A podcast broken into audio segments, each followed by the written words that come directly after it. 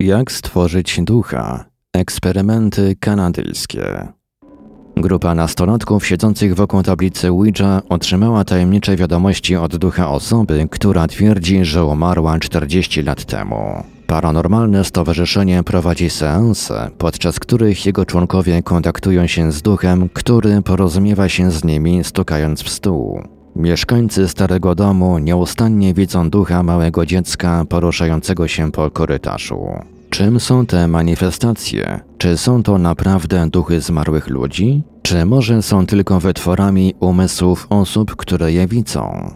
Wielu badaczy zjawisk paranormalnych jest zdania, że manifestacje duchów oraz zjawisko poltergeista, czyli hałasującego ducha, np. latające w powietrzu przedmioty, tajemnicze ślady i trzaskające drzwi, są wytworami ludzkiego umysłu. Aby zbadać to założenie, we wczesnych latach 70. XX wieku Stowarzyszenie Toronto Society for Psychical Research, w skrócie TSPR, przeprowadziło ciekawy eksperyment w celu zbadania, czy jego członkowie potrafią stworzyć ducha. Pomysł miał zgromadzić grupę ludzi, którzy wymyśliliby postać całkowicie fikcyjną, a następnie poprzez seanse zobaczyliby, czy mogą się z nią skontaktować i otrzymywać wiadomości oraz doświadczać innych zjawisk fizycznych, być może nawet pojawienia się ducha.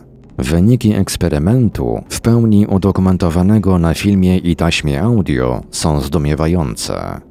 TSPR pod kierownictwem doktora A.R.G. Owena zebrała spośród swoich członków grupę ośmiu ludzi, z czego żaden nie twierdził, że posiada jakieś paranormalne zdolności. Grupa znana jako grupa Owena składała się z żony doktora, kobiety, która wcześniej była przewodniczącą Mensa, organizacja zrzeszająca ludzi o wysokim poziomie IQ, a także projektanta przemysłowego, buchaltera, gospodyni domowej, księgowego i studenta socjologii. Psycholog dr Joel Wheaton również brał udział w seansach w charakterze obserwatora. Pierwszym zadaniem grupy było utworzenie fikcyjnej postaci historycznej. Napisali wspólnie krótką biografię osoby, którą nazwali Philip Aylesford. Oto fragmenty tejże biografii. Filip był angielskim arystokratą żyjącym w połowie XVII wieku w czasach Olivera Cromwella. Był zwolennikiem króla, był również katolikiem. Był mężem pięknej, lecz oziębłej żony, Dorothy, córki innego arystokraty.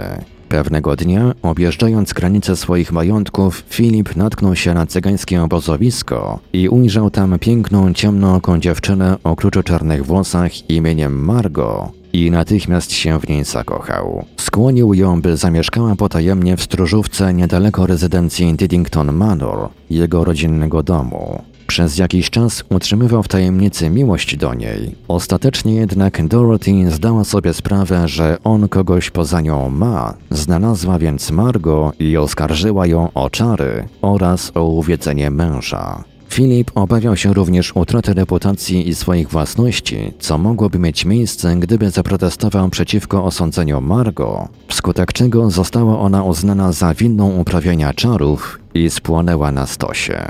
Filipa dręczyło później sumienie, że nie próbował obronić Margo i z rozpaczy stanął na parapecie Diddington. W końcu pewnego ranka znaleziono jego ciało pod parapetem, z którego skoczył w spazmie i cierpieniu wywołanym wyrzutami. Grupa Owena poprosiła jednego z członków o sporządzenie portretu Filipa. Z momentem jego powstania i wyglądu zapisał się on w umysłach członków i wówczas grupa przystąpiła do drugiej części eksperymentu, czyli do kontaktu. We wrześniu 1972 roku grupa rozpoczęła sesję, czyli nieformalne zebrania, podczas których członkowie dyskutowali o Filipie i jego życiu, medytowali nad nim i próbowali bardziej szczegółowo zwizualizować swoją zbiorową halucynację. Te posiedzenia prowadzone przy pełnym oświetleniu przez następny rok nie dały żadnych rezultatów. Niektórzy członkowie grupy twierdzili co prawda, że czują czyjąś obecność w pokoju, jednakże wszelkie próby komunikacji nie dawały rezultatów. Zmieniono więc taktykę. Grupa zdecydowała, że więcej szczęścia mieliby, gdyby spróbowali zaaranżować atmosferę klasycznego seansu spirytystycznego. Przyciemnili oświetlenie w pomieszczeniu, siedzieli dookoła stołu, śpiewali piosenki i otaczali się obrazami przedstawiającymi na przykład zamki, wyobrażając sobie mieszkającego w nich Filipa, jak również przedmioty z tamtych czasów. To działało. Pewnego wieczoru podczas seansu grupa otrzymała pierwszy znak od Filipa w postaci wyraźnego stukania po stole.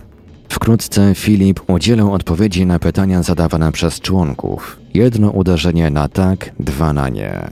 Oni wiedzieli, że to był Filip, ponieważ kierowali pytania właśnie do niego.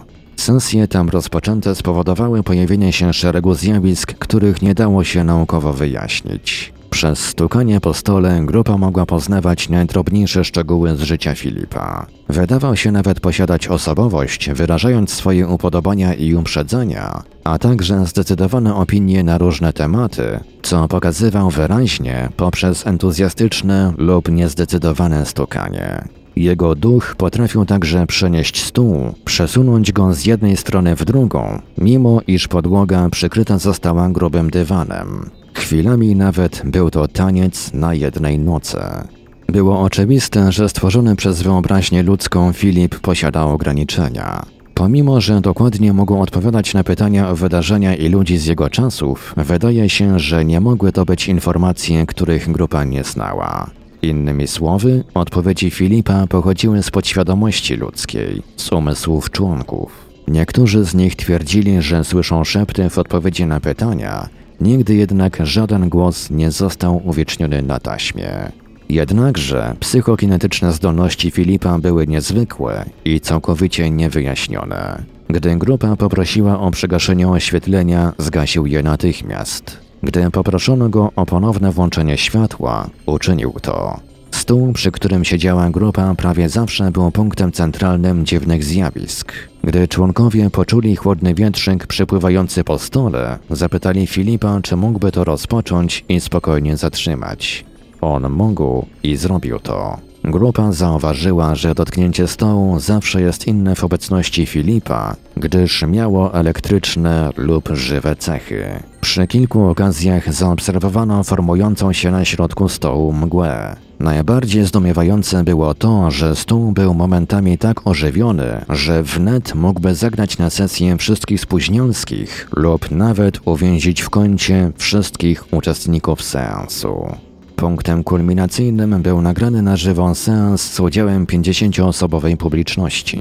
Został on również sfilmowany jako część dokumentu telewizyjnego. Na szczęście Filip nie był typem nieśmiałka i pokazał więcej niż oczekiwano. Oprócz stukania po stole, innych hałasów w całym pokoju i mrugających świateł, grupa osiągnęła właściwie pełną lewitację stołu.